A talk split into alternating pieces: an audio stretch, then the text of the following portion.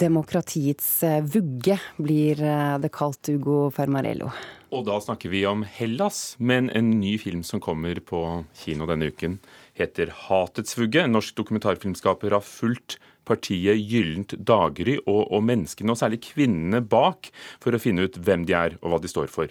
Han kommer til Kulturnytt, som begynner med norsk politikk. NRK-lisensen skal forandres. Pressestøtten, hva skjer med den?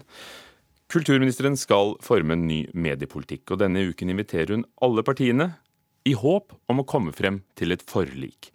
Men vi i Kulturnytt kom inn i forkjøpet og trommet sammen altså opposisjonspartiene, først Arbeiderpartiets Anette Trettebergstuen. Det handler i bunn og grunn om at ytringsfriheten og demokratiet vårt svekkes når mediebransjen blør og journalistikken eh, svekkes slik vi ser i dag. Vi møter opposisjonen, politikere i familie- og kulturkomiteen i Stortingets vandrehall. Geir Jørgen Bekkevold i Kristelig Folkeparti, Anette Trettebergstuen i Arbeiderpartiet, Åslaug Sem-Jacobsen i Senterpartiet og Freddy André Øvstegård i Sosialistisk Venstreparti sitter rundt et bord. Det å inngå et forlik eh, rundt dette, jeg syns det er positivt i seg sjøl. Men så har vi friskt i minne det vi diskuterte når vi skulle diskutere, prøve å komme frem til enighet når det gjaldt finansiering av NRK. Statsråd Skei Grande? President, jeg deler bekymringa for de gode, store redaksjonene som har muligheten til å drive med ordentlig undersøkende journalistikk. Kulturminister Trine Skei Grande snakket om finansiering av mediene i spørretimen på Stortinget i går. Hun vil gå inn for et forlik, og inviterer alle partiene på Stortinget til å diskutere. Det viktigste for meg det er at vi får en forutsigbar finansiering eh, av NRK eh, i tida fremover. Eh, og at vi får en finansiering som også ivaretar de sosiale aspektene. Sier Bekkevold. De har ikke tatt stilling til en bestemt modell for finansieringen av NRK. Men opposisjonen er enige om at det haster å gjøre noe med mediefinansieringen i Norge. Vi har ikke tatt endelig stilling til modell. Det mener jeg at eh, vi må diskutere, og vi bør bli enige eh, om en modell som står seg for framtida. Det viktigste med en ny modell er at den skal være forutsigbar i finansieringa av NRK, og at den skal ha folkelig legitimitet. Trettebergstuen mener regjeringen har vært for trege. Det er også Senterpartiet enige i. Det har gått altfor lang tid. Det er jo nesten fire år siden vil det ta fra de innså at man trengte å sette ned et utvalg, til utvalget ble satt ned, til rapporten kommer, til at den ligger i dvale et års tid her nå, til at meldinga blir utsatt nå igjen, eller nå, og så blir den behandla da til høsten kanskje. Høringer, kanskje vi ikke får den før neste vår. Altså klart dette her går for seint. Nei, Jeg har ikke behov for å si at noen har somla. Det jeg har behov for å si at det viktigste grepet vi gjorde i forrige periode, var det initiativet som kom fra Venstre om å få til lavmoms på digitale medier. Det ser vi nå har virkning. Kulturminister Trine Skei Grande mener det er viktig med tverrpolitisk enighet, slik at ikke mediefinansieringen forandres fra år til år det er sånn at dette feltet bør ikke være en slagarena der man endrer politikk fra valg til valg. Her bør vi klare å få til en bredere enighet som gjør at, at de grepene vi tar, kan stå seg over tid. Miljøpartiet De Grønne skriver i en mail til NRK at de er positive til å diskutere et forlik, og synes det er bra at kulturministeren tar dette initiativet. Opposisjonen håper på en enighet. Tror du at eh, dere vil komme til en enighet? Jeg kan uh, håpe det, i hvert fall. Jeg håper det for uh, mediene sin del, jeg håper det for ytringsfriheten sin del og for demokratiet sin del. Og han vi hørte til slutt, var Freddy André Øvstegård i Sosialistisk Venstreparti, som ble intervjuet av reporter Caroline Tolvsen i Stortingets vandrehall. De siste årene har det nasjonalistiske, og noen vil si nynazistiske partiet Gyllent daggry blitt en maktfaktor i gresk politikk. Beating? Yes. Who beat? Kaidas. Kaidas beat.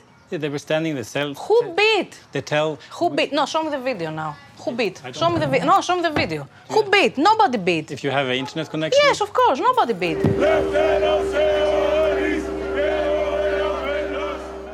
Blod, ære, gyllent daggry er slagordet tilhengerne av partiet Gyllent daggry roper når de tar til gatene i Hellas og i Aten, som her. I morgen har filmen 'Hatets vugge' premiere på kinoer over hele landet, men fikk for noen uker siden bare Human-prisen på dokumentarfilmfestivalen Human Rights Human Wrongs. Håvard Bøsnes, dokumentarfilmmaker, regissør av 'Hatets vugge'. Hvorfor vil du følge menneskene bak Gyllent daggry? Først så hadde jeg en idé om å lage en film om barneoppdragelse. Hvordan de her menneskene oppdrar ungene sine inn i sitt verdensbilde. Jeg var veldig nysgjerrig på å forstå hvordan det er mulig å ha denne type meninger i, i moderne tid, med alt det vi vet om hva som skjedde under andre verdenskrig. Eh, så skjedde jo noe spesielt, da. Eh, for rett etter at vi startet prosjektet, så ble alle mennene, lederne i Gyllent daggry, arrestert. Dette var jo da det femte største partiet i Hellas med 400 000 eh, støttespillere, stemmer, i, valget. Og når mennene da ble arrestert, så bestemte vi da for å følge damene, kvinnene, de som tok over ledelsen av partiet, dattera til sjefen og et par av de andre kvinnene der. Det de står for, sier du. Hva står de for? Du, er, Selv så er de jo veldig opptatt av å fremstå som et, eh, et seriøst parti. Et nasjonalistisk parti, vil de sjøl kalle seg. Eh, men eh, jo, jo, lenger jeg var der, jo mer vi filma, så forsto vi jo tydelig at dette er vil jeg kalle et nynazistisk parti. For de bruker logoer som ligner mistenkelig på nazisymboler, og det finnes også bilder på internettet av at de gjør nazihilsen osv. Ja, logoen ligner jo veldig på hakekorset. Dette begynte som en liten bevegelse på 80-tallet, men ble for noen år siden en, en stor faktor. 400 000 velgere. De fikk fikk 17 representanter. Nå er de 18 representanter i nasjonalforsamlingen, 21 i Europarådet. Så det jeg vil spørre deg om, Når du tegner et portrett av menneskene bak der, tar du også på alvor det sinnet og den frustrasjonen som da har fått hundretusener av grekere til å stemme på dem? Det er klart at eh, det, det er jo en helt spesiell, spesiell, situasjon i Hellas. Jeg ser egentlig på Hellas som et slags, Hvis du ser på Hellas som et slags forsøkslaboratorium der du putter inn alt negativt av arbeidsledighet, korrupsjon og, og økonomisk krise, så får du ut det her høyreekstreme partiet som blir så stort. Så for, for Gyllent Agri var jo også et bitte lite parti før finanskrisa. Da var det 0,1 eh, oppslutning i, i, valg, og så plutselig så havner de opp og får 7 og 400 000 som stemmer på dem. Så det er jo utrolig skremmende og sjokkerende i et land som for oss nordmenn er ferieparadis som forbinder med hvite strender og, og hyggelige, imøtekommende grekere. Du, du siterer jo statsminister Samaira som sier at dette er demokratiets vugge, og demokratiet er sterkere enn dere tror. Dere i, i Gyllent daggry. Men eh, hadde det vært på sin plass å utfordre de som kanskje i det politiske etablissementet forspilte en sjanse til å holde på sine velgere? Kan du, kan du Jeg forsto ikke. Er det ikke også de tidligere politiske kreftene som Samaras som, som har gått glipp av en sjanse til å, til å få folk på sitt lag? Det, det er klart at uh, det her er det, det, bestående har jo altså Politikere i Hellas har jo et ansvar her. Det er klart. altså Det er, har jo vært på mange måter et vanstyrt land. Men jeg tenker jo egentlig også at kanskje vi i resten av Europa har et visst ansvar. for det, det de hadde jo havna inn i en vanskelig økonomisk situasjon der EU eh, e valgte å være veldig hard mot Hellas. Eh, og Det det er jo kanskje heller ikke en fordel. Du tegner et portrett av disse damene som, som plukker opp hansken i partiet. Kona til lederen er tidligere sykehusdirektør, jobbet på universitetet. En tydelig veldig oppegående kvinne. Datteren hennes studerer psykologi, eh, også aktiv i partiet. Hvem er de? Fikk du noen forståelse for menneskene bak. Ja, det, var jo det som var målet mitt. Jeg, når jeg gikk inn i prosjektet, så hadde jeg et ønske om å legge frem alle fordommer og prøve å virkelig forstå hvem er det her. Og Det som, første som slo meg, det er at det her er jo relativt velutdanna. Altså de, Orania, dattera til sjefen, hun har en mastergrad i psykologi. Den andre hovedpersonen, Jenny, hun har også en mastergrad i statsvitenskap. Så ja, så de er velutdanna. Men samtidig så er det her damer som tror på altså det, Konspirasjonsteorier er viktig. De tror at verden er styrt av jøder, f.eks., og det er jo veldig skremmende. Dere kom jo nærmest på kant. Ble det, ble det ubehagelig? For, for, dere fortsetter å filme. Vi hørte det så vidt. Eh, etter at de ikke er fortrolige med det du vil spørre dem om? Ja, Nei, altså de, de, de, Det ble jo vanskelig, for etter hvert så forsto jeg jo at de har jo sin agenda. Altså De ønska da å ta kontroll over filmen, og jeg ble livredd for å være et mikrofonstativ. ikke sant?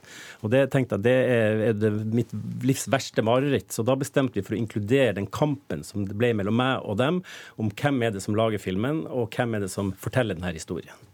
Det er i hvert fall deg, Håvard Bussnes, regissør. Hatt et svugga, premiere på kinoer eh, i Norge i hvert fall, i morgen. Takk skal du ha. En annen film som kommer på lerretet, er 'Stalins død', som har beholdt sin engelske tittel på norske kinoer. En satire over maktkampen i Sovjetunionen etter at Stalin døde i 53. Noen vil kanskje tenke at dette ikke høres særlig morsomt ut, men det er det, forsikrer vår filmkritiker Birger Vestmo. Stalin's dead. He's dead. Stalin is dead! Oh my God. Our general secretary is lying in a puddle of indignity. Yeah, he's feeling unwell, clearly. I den sorte komedien The Death of Stalin viderefører britiske Armando Janucci den politiske satiren som han har perfeksjonert i serier som The Thick of It og Veep. Historien er basert på maktspillet som settes i gang når generalsekretæren i det sovjetiske kommunistpartiet dør i 1953. Virkelighetens omstendigheter er bekmørke, men filmen avkler de historiske hovedpersonenes maktbegjær, feighet og løgnaktighet. The Death of Stalin er ikke laga som en latterfest, men er skarp og presis satire som skildrer politisk absurditet på en særdeles underholdende måte. I want to make a speech at my father's funeral. Um, no problem. Technically, yes, but practically. When I said no problem, what I meant was no problem. Filmens første del understreker akkurat hvor stor makt Josef Stalin, spilt av Andrew McLaughlin, har i Sovjetunionen, og hvor enormt stor fryktbasert respekt hans undersåtte har for han. Når han uventa dør, oppstår det plutselig et maktvakuum som opptil flere i kommunistpartiets sentralkomité ønsker å fylle, blant annet Khrusjtsjov, spilt av Steve Buscemi, Beria, spilt av Simon Russell Beale, Malenkov, spilt av Jeffrey Tambor, og Molotov, spilt av Michael Palin. Utfallet er godt kjent. Det er ikke sikkert det forløp akkurat slik Janucci forteller det, men det er likevel hoderystende humoristisk å se filmens versjon av hvordan det kan ha gått til. We need change. Well, let's see who can mobilize first. Oh, seems to be me. Sneaky little shit. The race has started. We need to start putting together a plan. How can you run and plot at the same time? The Death of Stalin er en politisk farse som det nesten ikke skulle være lov å le av, når man tenker på de menneskelige lidelsene som ligger bak hendelsene den er bygga på. Likevel er det tidvis ubetalelig morsomt når grådige motiver hos smålige menn i mektige posisjoner blir avslørt. Den har òg klare paralleller til det politiske landskapet i vår egen tid, som gjør filmen smertelig aktuell. Armando Janucci befester med det her sin posisjon som en av samtidas skarpeste satirikere. The Death of Stalin fortjener et politisk bevisst publikum med sans for sofistikert humor. We have to act. I really need your help. I'm going to have to report this conversation. Threatening to do harm or obstruct any member of the Presidium in the process of looking at your fucking face. Stalins død, The Death of Stalin på kino i morgen. Anmeldt av Birger Vestmo, NRK.no Film. Der får du alle filmanmeldelsene til uken som kommer. En gammel sak har dukket opp. Komponist Rolf Løvland risikerer å bli saksøkt av en islandsk kollega, kulturreporter eh, Kaja Andreassen. Hvem og hvorfor? Eh, det er eh, den islandske artisten Johan Helgason som vil saksøke Rolf Løvland. Fordi han mener at den versjonen han har komponert, er en ren plagiat av en låt han selv har skrevet, som heter 'Søknadstur'. Og vi snakker da om slageren You Raise Me Up, skrevet for Løvlands Secret Garden, fremført av mange andre, og kanskje aller mest kjent Josh Groban. La oss høre på, på Josh Grobans uh, versjon av Løvlands sang.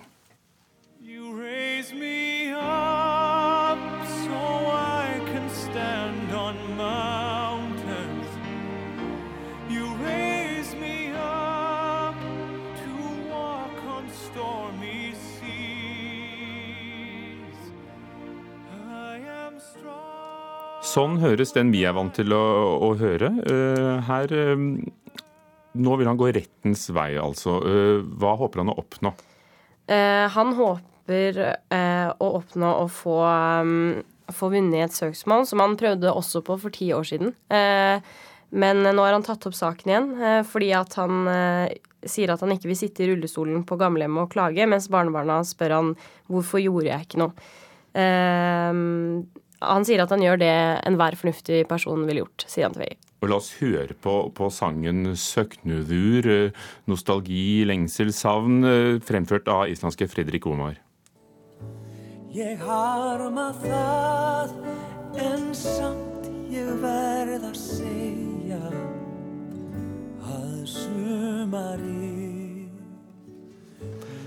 Mens Rolf Løvland sier til VG at han ikke har fått noen henvendelse ennå, at dette ble prøvet i rettighetsorganisasjonen allerede for mange år siden, og kravet ble avvist. 19 barn i den lille nordlandskommunen Steigen er under omsorg av barnevernet. Det er veldig mye høyere enn i resten av landet. Vi skal se nærmere på hvorfor, men først Dagsnytt.